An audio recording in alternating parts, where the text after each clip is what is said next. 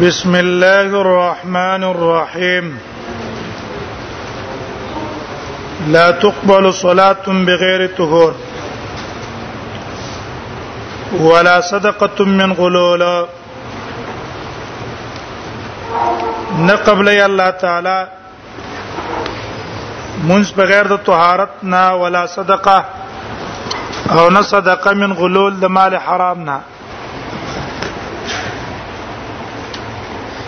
حرام مال نه سړی صدقه ور کوي دا الله نه قبلای صدقه ویل کیږي چاته صدقه ویل کیږي العطیه یرید بها صاحبها الثواب من الله هر هغه شی چې سړی چاته ورکي بخششي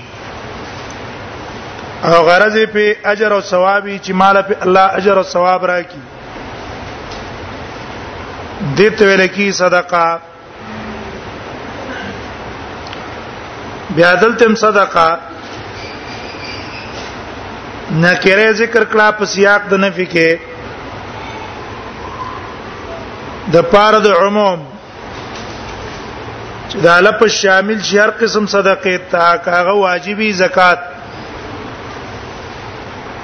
او کاغه مندوب صدقه یو سړی دی چانه مال پټ کو او دیرا اولګې دلو اوس دق مال مسروقه زکات کې ور کوي تبانه زکات فرض دی او دا په زکات کې د مال مسروقه ور کوي دا ته الله نه قبلای یا غلام آزادول په د فرض دي د راولګي د چانه غلام پټ کو او دا غلام اوس په هغه کفاره کې آزادې نو داته نه قبليږي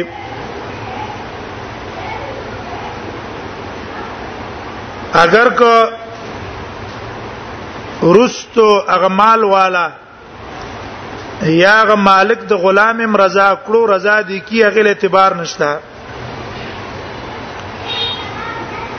د قصې نفلی صدقه مواله الله دې دې دینه قبلینا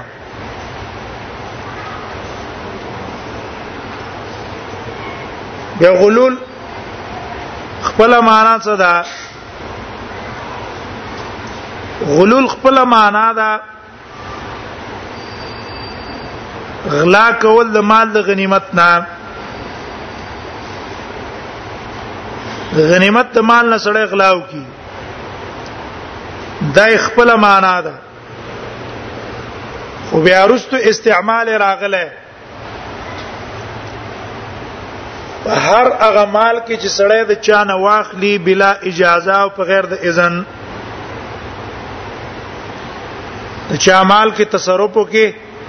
په غیر د اذن او د اجازه داغه د ټولو ته غلول وای او دا لفظ د غلول اگر که معنی عامه ده او خاص لفظ ذکر کو اصل کې د پاره ده ده دا اصل کې علت او وجه ده د پاره د عدم قبولیت هغه دا ګوره په مال غنیمت کې د دې غانم چې د اغلای او کړه د پکې حق شته مال غنیمت کې د دې غانم سارقه چې دا غلا وکړه د مال د غنیمت نه نو په دې مال د غنیمت کې د حقو چې په یو شي کې د سړي حقي همي ولیکن تعین د حق نه دی شوی او مخکې د تعین د حق نه تاپټ کو چې دغه مال ته صدقه کې الله دې نه قبلای نو چې ته د بل چا نه مال پټ کې په داسې طریقه چې سره ستا په کې حق نه وي غلا دې ته واغستو په خیانت او په دوکه دې ته واغستو نو پاره کې خو په طریقې اولاد پاره په طریقې اولا ستاد پاره داغه نفقه کول جایز نه دی والله دا نه قبلې نه ځکه تصریح وکړه په غلول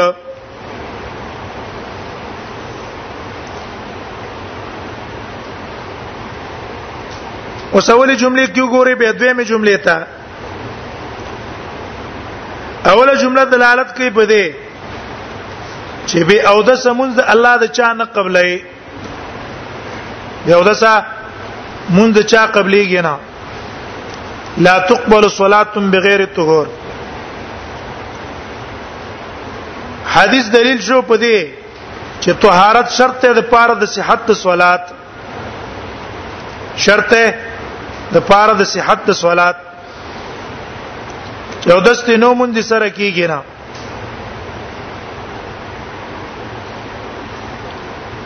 داغه د پاره شرط شو اوس مسله دا ده یو سړی را ولګېدلو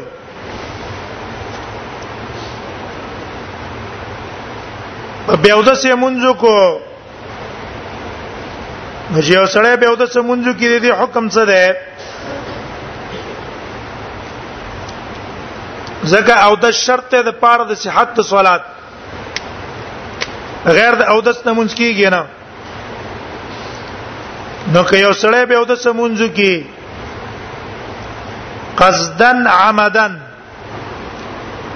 نو که استهزاء په مانځ پورې غرض وانه په اتفاق د علماو کافر ده استهزاء غرضو استهزاء غرضو نو او مونږه قصدن عمدن او کړو استهزاءن زمړ او دس پکې چاله راوسته دا کافر دی په اتفاق د علماو وجدا دا چې د استهزاء په حکم د دین وکړه د تلاعبه دویم صورت ته ده چې مونږ استهزان اونکړو د شرم د وجه نه وکړو مثلا په مانځ کې ولاړ لې او است په دې مانځ کې د تپته ولګي زه به وته سیما اوس د ته دا شرم ودرېږي زم انزل زم خلق بچوي خلق برا پسې خبرې وکي چاره کدنه او د سیمات شو او په دغه حالت هم دغه چې په مانځو درېدو تر دې چې امام سلام وګرځي استهزان دا کار نه دی کړی سخریته نه دی کړی د وجه دا خوف الناس او ملامتیا د خلکو د وجه نه دا کار وکړو نو په دې عمل باندې دا سړی مجرم دی او که کافر دی د جمهور علماو قول دا ده چې په دې عمل باندې دې ګناګار دې خو کافر نه ده ګناګار دې کافر نه ده وجه وې دا ده چې دا کفر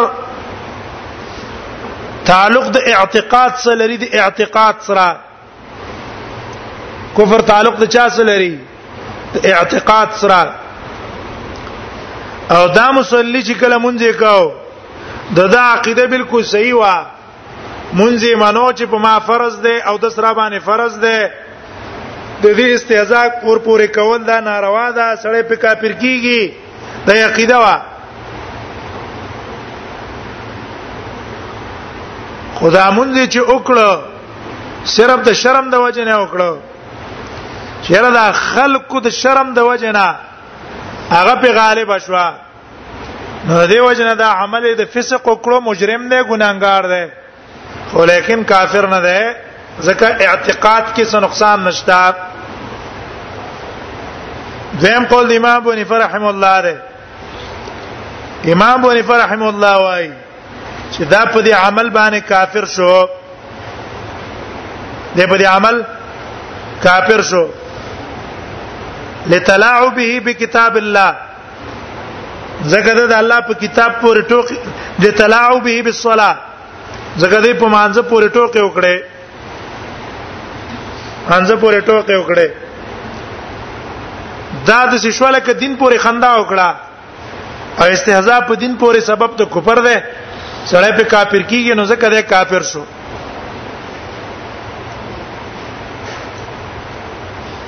په دې کې قول د جمهور راجح ده مجرم دی کافر نه دی مجرم دی کافر نه دی دی باندې اوس هغه دوه مسله متفرعه ده یو ځی تلاړ شي وبشتا ولته زید لمبا نه ای اته شرمېږي ایسته په حالت ته جنابت کې مانځه باندې ودرېږي سیدا دا کار باندې کې ولې هر چا ته پته ده چې انسان باندې څه کوي غسل په شیطان اړای کنه د کیسه حیا نه په کار حیا په دې کې نه په کار تلاعب وکړوي دویم دی جمله تراشی دا خو یو مسله شو دویم دی جمله کې ګورې لا تقبل صلاتم بغیر طهور مونږ ویل چې لا تقبل صلات صلات نکره دا په سیاق د نفي کې ده شامل له هر هغه مونږ ته چې پاغي باندې اطلاق د مونږ کیږي هغه په غیر د اودس نه جایز نه ده کنفلی که پرزي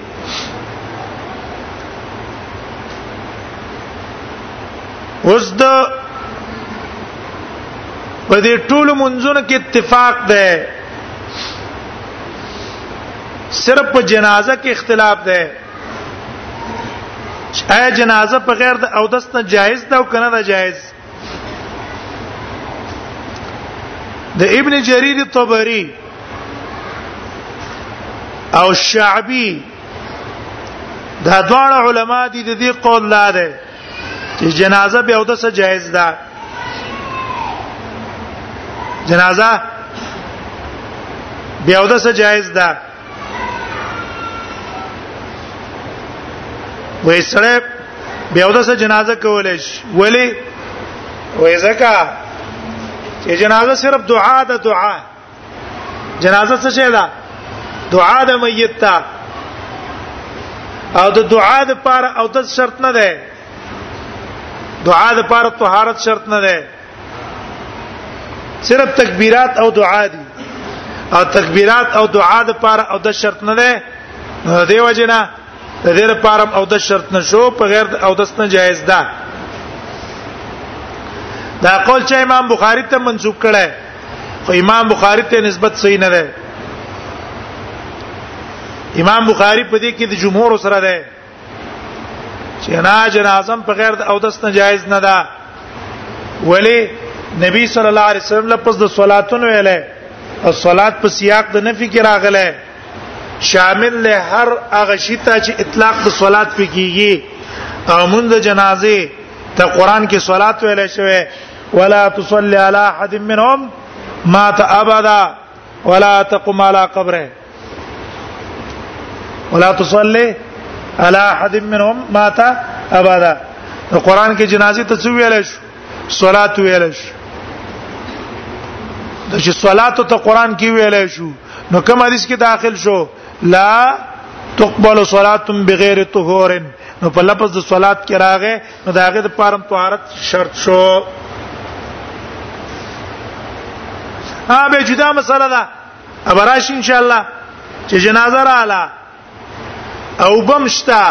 خو تیرې دلې کزه او دس کومه جنازه برانه فوت شي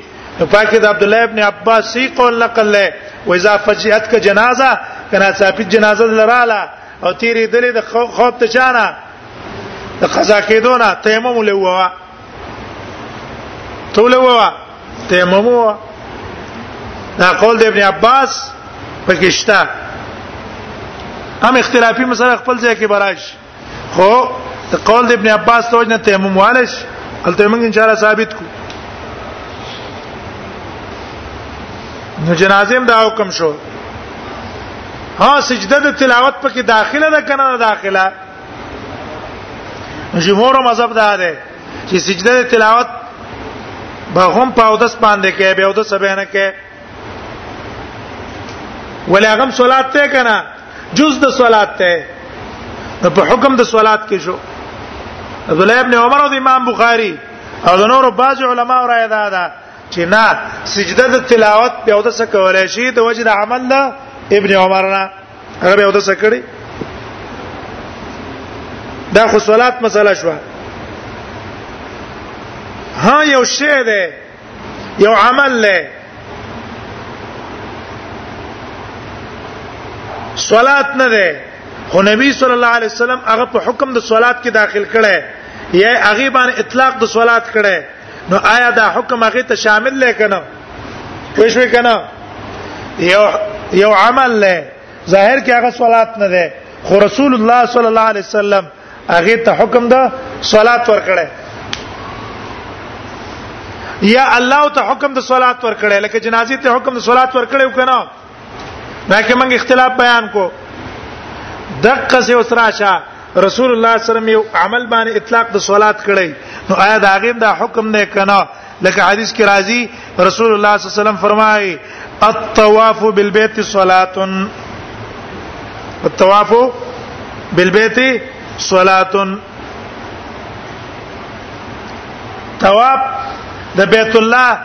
نه دا پشان ته د مونږ ده الا ان الله مگر دون الله چې په مانځ کې خبره ناروا او په تواب کې خبره کوله جایز دي تواب کې خبره جایز ټیک شو په مانځ کې خبره ناروا نو سراشه چې نبی صلی الله علیه وسلم اطلاق د صلات په تواب باندې وکړو او هغه ته صلات ویلو نو آیا هغه په دې حکم کې داخل لکنه لا تقبل صلات بغیر طهور او داس د پاره طهارت شرط او داس د پاره مانزه د پاره طهارت شرط بغیر د طهارت نه مونږ کیږي نه نو آیا طهارت مانزه د پاره شرط ته کنه ده د اختلافي مسله دوه قوله په کې د علماو مشهور دي اولنې قول د امام بونی فده دا د احناف په مذهب ده او په اصول کې ذکر کوي هغه وای چې طواف بغیر د طهارت نه کیږي بیا ود سکیږي سکیږي بغیر د اودس نه کیږي لہذا که طواف پازه دی وکړه طواف پازه بغیر د اودس نه فرضیت ادا شو خطابانه دم لازم ده زکا دغه حدیث د وجنه طواف بالبيت صلات و نفس دوران فرض شو نفس دوران فرض شو زکه طواف څه ته ویل کی الدوران بالبيت د بیت الله نګر چا پیر تاویدل او طهارت داغه د پاره واجب شو شرط نشو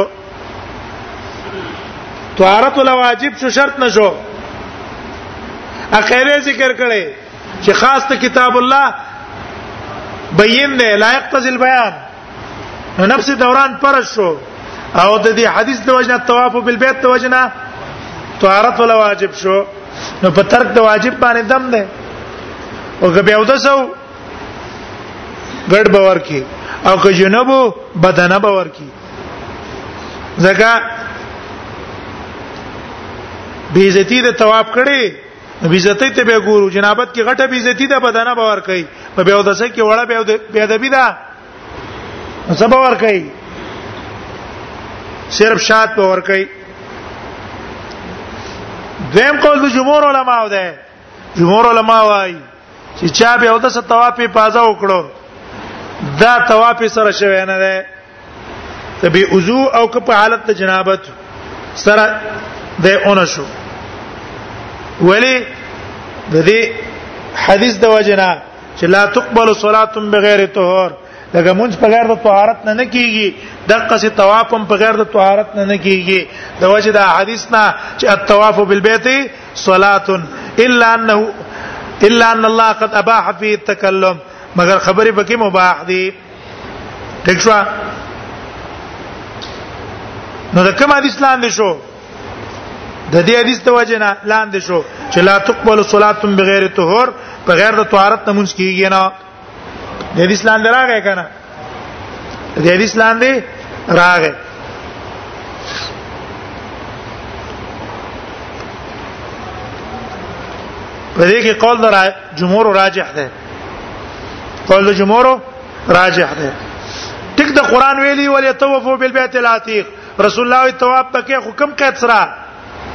فارت سره اته سوی چې مطلق ته کتاب الله مقید کول په خبره واحد نسخه ده د احناف قاعده ده دا د چا قاعده ده د احناف هغه د جمهور قاعده نه ده په خپل قاعده باندې خپل بل چا هغه نشي کوله دا خو تاسو قواعد دي چې جوړې کړیم دي درېمه مسله لا تقبل صلاه بغیر طهور سرا متعلق ده هغه دا چې ظاهر د حدیث دلیل ده چې طهارت شرط ده د پاره د صلات وسه او سړی ده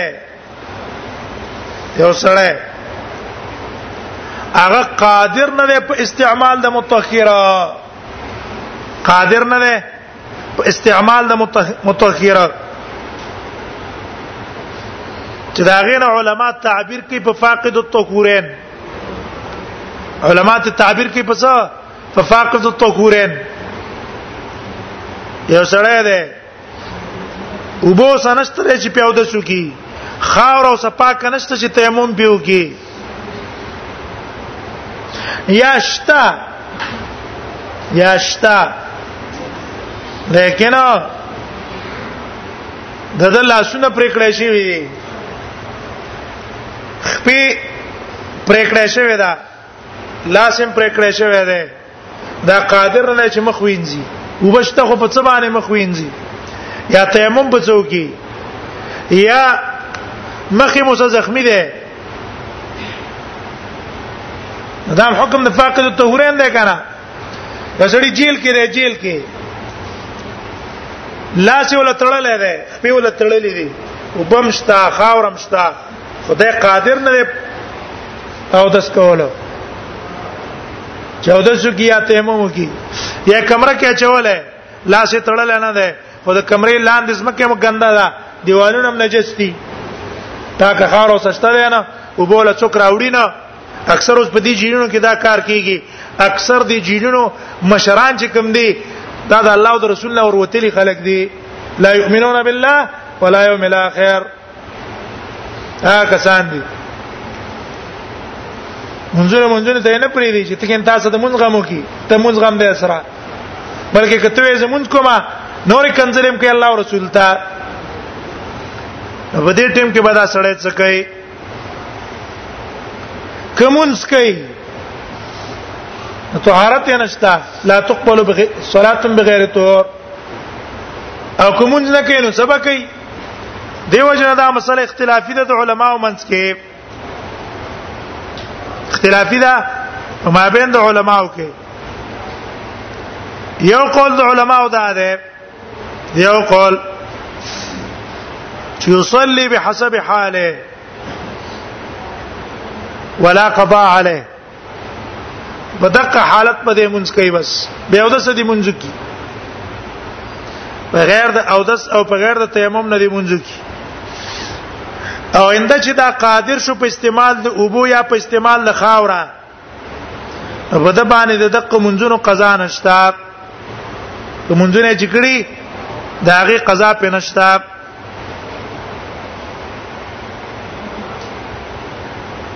ابه نشتا دا قول یو قول د علماو او دا قول د امام مالک او قول د امام احمد او دا قول د ابي ثور او دا قول دی د مزنی وغيرهم او قول قدیم دی د امام شافعی قول قدیم دی د امام شافعی او دا د امام بخاری مذهب هم نه دی د امام بخاری بخاری کې په باب کې خیره باب اذا لم يجد ماء ولا ترابا یو سړی وبم نه مند کوي خاورم نه مند کوي دا به څه کوي نو هغه استدلال نه ولې په حدیث د عائشه چې دا غین هغه عامل ورکشوي او نبی صلی الله علیه وسلم چې کم کسان لګلیو اسید ابن حذیر سره د کسانو نه نو هغه څوک کړو هغه منځ کړو فصلوا بغیر د عبور منځ کو حکم د تیمم نه نازل شوی نو راغه نبی صلی الله علیه وسلم ته شکایت کو نو نبی صلی الله علیه وسلم باندې الله آیات د تیمم نازل کړو اسید ابن حزیر عائشه ته ویل ما نزل ما نزل بك امر عائشة الجزاك الله جزاك الله خيرا فوالله ما نزل بك امر تكرهينا الا جعل الله ذلك وللمسلمين فيه خيرا تا باندې کوم کار راغلی او ته په خپه کېږي پای کې الله د مسلمان د پاره خیر وګرځي غوړه طریقه د استدلال الله ده چې دیو نبی سم ته شکایت وکړو نبی سم دې ته امر بالقضاء نه کړه امره بالقضاء نه کړه نو که چرته د دې مونږ سي کېده نه نبی صلی الله علیه وسلم امر کړه بالقضاء شابه مونږ راو ګرځوي چې امر بالقضاء او تو نکو دا دلیل دی دی چې دې مونږ قضایي په دې باندې نشتا دې مونږ قضایي په نشتا دویم دلیل دی دا دی وې طهارت شرط ته شرط د پار د صحت د صلات فاذا عجز عنها سقطت عنه چې د عاجز شو د دې شرط نه دا شرط هم ته ساقط شو لکه استقبال د قبله شرط ته د پاره د صحت د صلات استقبال د قبله شرط ته د پاره د صحت د صلات کله چې ته عاجز شوې د استقبال د قبله نه پته تر لګي چې قبله کم طرف ته ده یا جنگ دی جنگ او په جنگ کې قبله ته مخ نشي کولای چې قبله ته د مخ کو خطر ده چې دشمن بدی وي په دې عذر د وجنه استقبال د قبله ته نه ساقط ته کنه مونږ کیږي د قصدام طهارتم شرط ته عند العجز انا ساقط یا ستر د عورت پرز ده کنه ستر د عورت شرط ده پاره د صحت د صلات خو چې کله تاسو جامه نه وا څنګه وا جامه نه وا چې ته په ستر د عورت وکې نو ته مونږ کې کوم مونږ به پرې دی مونږ به کې دا ستر د عورت ستانه ساقط ته او چې دا مونږ د وکړو په حالت د کشف د عورت کې دې مون اعاده په تا باندې نشتا تقص طهارت هم ده سپې شوي دویم مذهب هغه دا دی چې صلي او يعيد صلي او يعيد منځ بام کوي منځ به تر راګرځي دا یو روایت ته امام مالک نه او مذهب ته امام شافعي او یو روایت ته امام احمد نه هم ده اکثر حنابلو دا قول نقل کړي د امام احمد نه منځ بکې او مونږ به به ترا ګرځي دریم قول دا دی لا یصلی دا ټیم ممون نه کوي ورستو چې کله قادر شو د ټولو منځونو قضا براوړي ويعيد متا قدر دا مونږ برا ګرځي چې کله قادر شو په استعمال د طهورین دا قول د سفیان ثوری د اوزاعی او د امام ابو حنیفه دی په دې حدیث استدلال نه ولای لا يقبل الله صلاه بغیر طهور ويمن بزکنه کوي کده دامن او کو به او د صد الله قبلې نه موږ به ځکه نه کوي او اعاده به ځکه کوي چې د په ذمہ فرض دی نو لیکن دا استدلال کمزور دی چې ټیک د لا يقبل الله صلاتم بغیر طهور دا محمود له په حالت قدرت باندې دا محمول له پسا په قدرت د دې لپاره مثال حدیث ته رسول الله صلی الله علیه وسلم فرمایي لا يقبل الله صلاه احدكم اذا حدث حتى يتوضا لا يقبل الله صلاه احدكم اذا احدث حتى يتوضا غور ظاهر د حدیث ته معلومیږي چې په غیر د او دست مون نه کیږي حتی یتوبه دلالت ته کوي په دې چې او دس نه بغیر مون نه کیږي اوس یو سره د او دس ته حاجز ده او تیمم یو کو او په دې تیمم مونږ کو دا مونږ دې صحیح ده کنه ده صحیح تاسو په نظام صحیح ده حتی یتوبه تاسو محمولوي کله په کوم حالت عند القدره على الوضو چې په اودس قادرو واجب د ابو مونږ نه کیږي او که قادر په استعمال د ابو نو نو او تیمم یو کو نو مونږ څه ده مونږ صحیح ده مونږ صحیح شو دغه څه لا يقبل الله صلاه بغیر طهور دا محمول له بکم حالت په حالت ته وجدان الماء چې دا اوبه مند کوي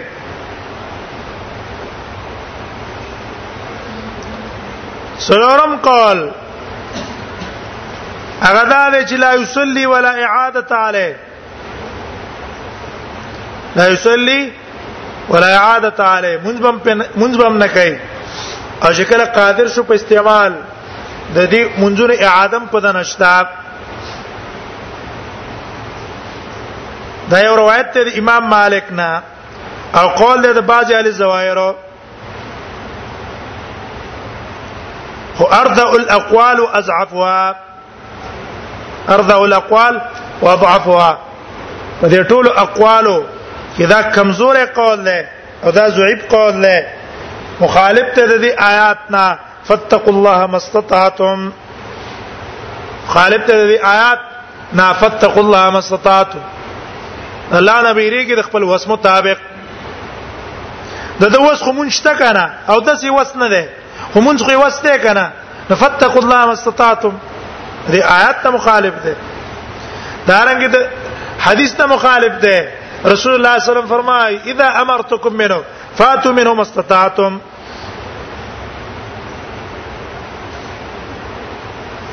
سلورم پنځم قول د ابو یوسف صاحب په احناف کې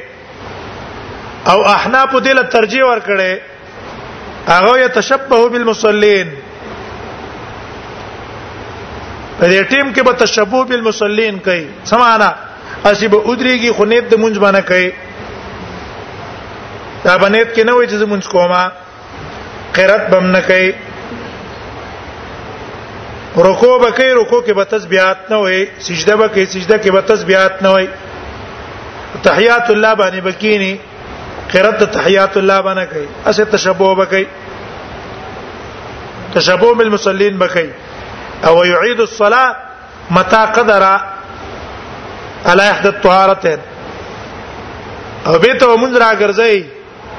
کله چې قادر شو په استعمال د احد المطهرين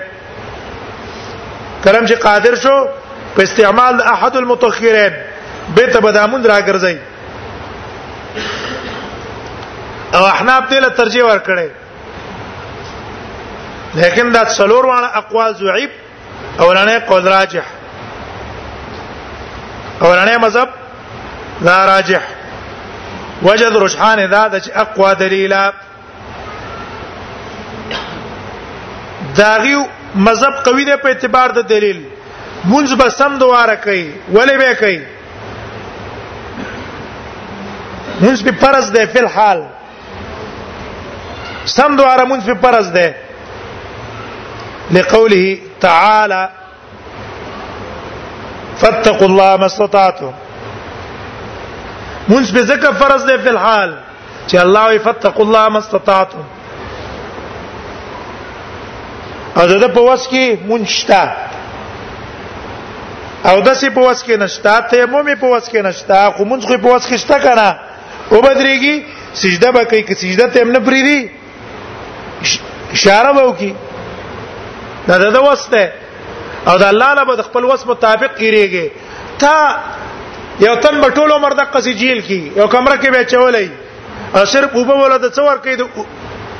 لس کال شل کال قید په خطلې او د قصې کمره د نجاست کې به چولای او وبو ولا څور کې صرف د سکلو به ور کې دا او د سپولنه ور کې د غسل به ولنه ور کې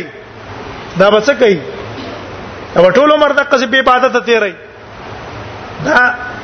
فتقوا الله مستطاعتم او نبی صلی الله علیه وسلم فرمایلی دی اذا امرتكم بامر فافعلوا منه ما استطعتم زه تاسو ته په امر باندې حکم کوم د خپل اوس مطابق په هغه عمل کوئ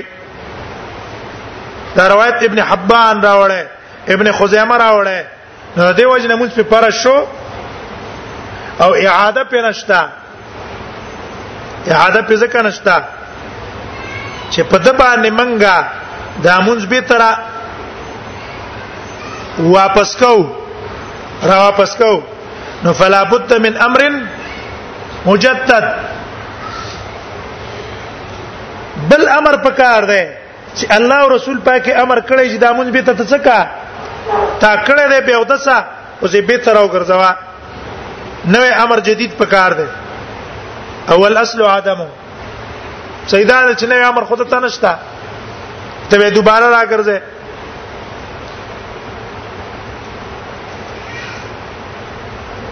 نو دیو جن دوباره پینشتا دیو جن مزنی صاحب هم دا قول کړه حسینی هغه کل صلاه امر بفعلها في الوقت على نوع من الخلل هر یو منځ چې دا غي په کولو باندې په یو وخت کې حکم کړی شوی سره دی یو نوع خلل نه هغه وخت کې په امر شوی چې دا کوا او پاکي یو قسمه نوع خلل هم شته نو لا یجب قضاؤه داغه قضا په واجب نه ده دوباره دیو جن دا قول راجح شو نو لا تقبل صلاه بغیر طهور منس بغیر د طهارت نه قبلېږي چې کله ته قادر په استعمال د متطهره هغه ته عاجز د استعمال د متطهره نه نو تبه د امونز به او د سکه په دې به او د سبا باندې ته کافر کېږم نه او په دې به او د سکولو باندې ستا زمم فارغ شوا اعاده در باندې نشته د دې مونږ او مونږ بکې پاکه طریقه چې ستونه ستاوس دا خلا تقبل صلاتم بغیر طهور شو ولا صدقه من غلول او نه قبلي کی صدقه د مال حرامنا غلول منسوب یاله حرام مال کدا غلا تا د غنیمت نه غړي کدا شریک نه دی پټ کړي ستا شریکوال له او تا دا غره په بغیر د علم او بغیر د هغه رضا نه تر لګيږي دا غس حصہ صدقه کې الله تعالی دا نه قبلې اوس دورو نه دي مثلا ما تا دوانه ګټه کو او په دې مال کې دوانه شریکی ټیک شو زما ستا شریک مال له نو دا غبل د رضانه په غیر به داسې صدقه کوم نه دا بنه صدقه کوم ترڅو پورې هغه رضا نه شریک مال له خارې تکړه دی او چې کله تقسیم شي کنه به ته کنجوس جوړ شي صرف زکات ورکې نو صدقه به نه ورکې نه کمال به دې الی چې خپل سینه به ته څور کې ته صدقه ورکې دیو جن پلار سدي مال شریک دی ضرور سدي مال شریک دی د شریک مال نه په غیر داغه رضا نه څنګه کې صدقه به نه ورکې ستا شریکوال له په غیر د شریکوال نه به صدقه نه ورکه لا تقبل ولا صدقه من غلول هغه ته شامل ها اوس حرام مال تا تراغه نو فراغ الذمه به څنګه حرام مال تا تراغه اوس فراغ د ذمه به څنګه فراغ الذمه سمانا تاسو دونه غستری د خلقونه رشوتونه دی غستلی اغلاګان دي کړی نو اوس د دې ذمہ پتا باندې لازمه ده چې ذمہ به ته پاره غه او فراغت الذمه په کومه طریقې ده اول واوري د حرام مال دوه طریقې دي یو قسم حرام مال هغه دی چې هغه سره تعلق د حق الغیر راغله نه دا تعلق حق الغیر تا ته مات کیږي نه پس د توبې نه چې تا توبه مو ایسته کنه دا تعلق حق الغیر تا ته مات کیږي نه د توبې نه بعد هم دا به تخلق ته واپس کې تبه کې واپس کې به نو که اصل مالک ته معلوم او هغه ته به واپس کې او که اصل مالک ته معلوم نه وو اصل مالک ته معلوم نه وو چاته به واپس کې داغه ورثه ته به واپس کې کو ورثه ته معلوم نه وو او کو ورثه ته معلوم نه وو نو بیا د فراغ ذمه د پاره طریقه دا ده چې دا به صدقه کې بدی نیت چې یا الله د اجر او ثواب چاته ورس ورسوا هغه کسته اورور سوا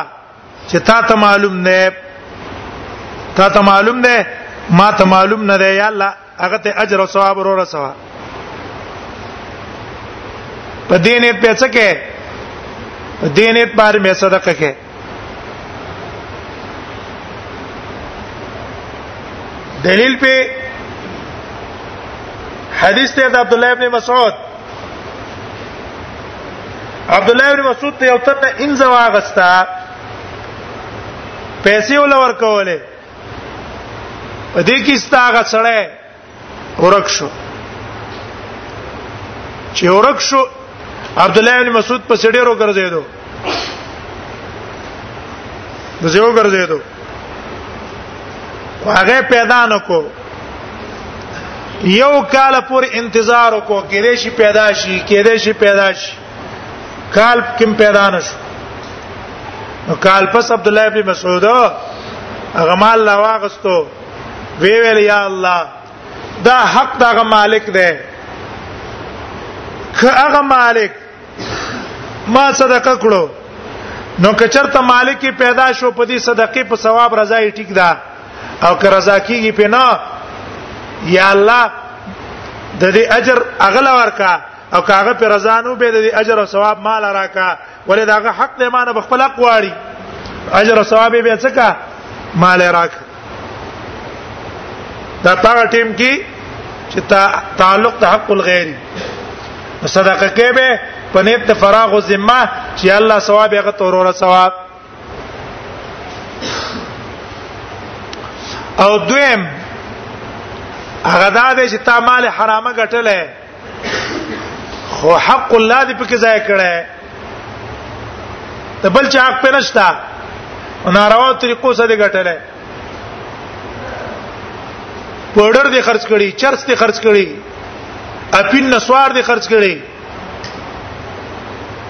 یا هغه شینا چې دا غي خرڅول شرعن ناروا دي هغه دې خرج کړي او سبا تا توبه وستلا دغه مال پراجه قول د علماو صدقه پتا نشتا بس توبه به وباسي د توبې نه پس وسکوا تا ته مخکې پتا وا چې رب دا پودر کې نه جایز دی ولې مزه بیا نه پکې وي جایز دی اپین خرڅول مزه بیا نه پکې جایز دی چرس خرڅول جایز دی دا هغه بنا باندې تا کړی رسو ته پته ولګی چې دا خو حرام دی خو ناروا ده هر هغه شی چې شران ناروای دا غي به هم ناروا ده اوس توبه وستا ته توبه نه بعد د مال صدقه کول پتا نشتا پتا دې صدقه کول نشتا نو ولا صدقه من غلول صدقه د مال حرامه نه الله نه قبلای دا ګور دواړه جملې نبی صلی الله علیه په حدیث کې جمع کړي د صلات او د صدقې څه مناسبت ده چې رسول الله صلی الله علیه وسلم په یو جمله کې ذکر کړي علما وايي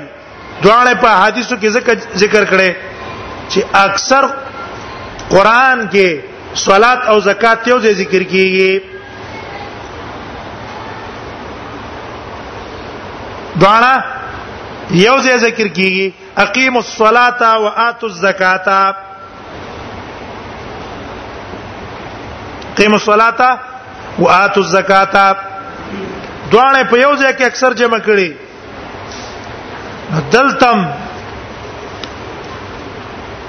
نبی صلی الله علیه وسلم څوکړه په حدیث کې دواړه ذکر کړه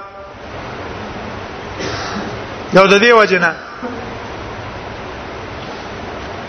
دویم د دې وجنه چې ګورا نبی صلی الله علیه وسلم اشاره کوي دیتا لکه څنګه چې صلات صلات احتیاج لري طهارت ته صلات محتاج دی طهارت ته په غیر د طهارت نه مونږ قبليږي نه دقه سي دا صدقه هم محتاج ده طهارت ته د حرام نه د حرام نه ته چې کوم صدقه ورکې دا صدقه به ګور استا خپل مالی حرام مال نه به غنه ورکې حرام مال نه ته صدقه ورکې نه پاک وي نو د دې وجه نه دواړه محتاج دي چاته دواړه محتاج دي طهارت ته یو کې طهارت ته د بدن او بلکې طهارت ته د مال نو دې وجه نه دواړه په یو ځای کې ذکر کړه او ویل لا تقبل الصلاه بغیر طهور نه قبلې کې مونږ بغیر د طهارت نه ولا صدقه من غلول او نه قبلې کې صدقه د مال حرامه نه ولا صدقه من غلول صدقه نه قبلې کې من غلول د مال حرامه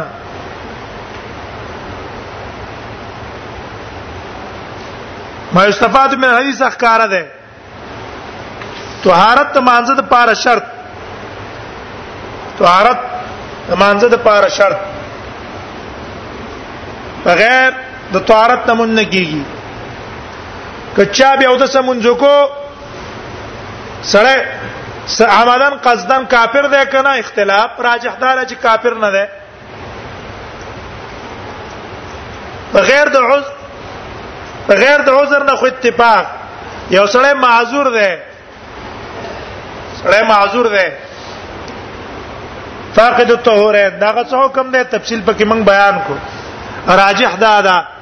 چې د مکلف نه په طهارت د آیات د وجه نه فتقوا الله مستطعتم او ما امرتکم منه فاتم منه مستطعتم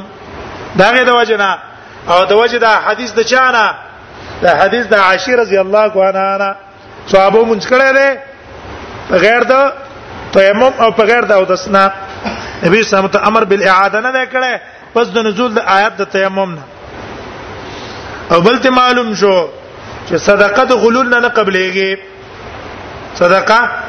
مال نه نه قبليږي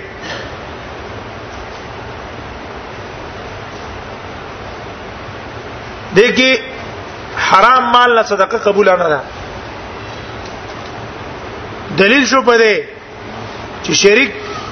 شریک په اجازه به مال نه ورکه او د بل چا مال بغیر د اجازه حرام مال نه صدقه جایز نه ده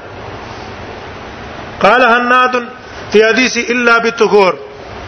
او حناد په خپل روایت کې بغیر طهور په لپس څه ویل دی بتغور غرض د امام ترمذی څه ده غرض د امام ترمذی اشاره ده اوس اختلاف د اساتذه او ته یو استاد حناد ده بلې قتيبه ده قتيبه لفظ ده بغیر طهور ویل حناد لفظ ده الا بطهور ویل ده الا بطهور هغه ته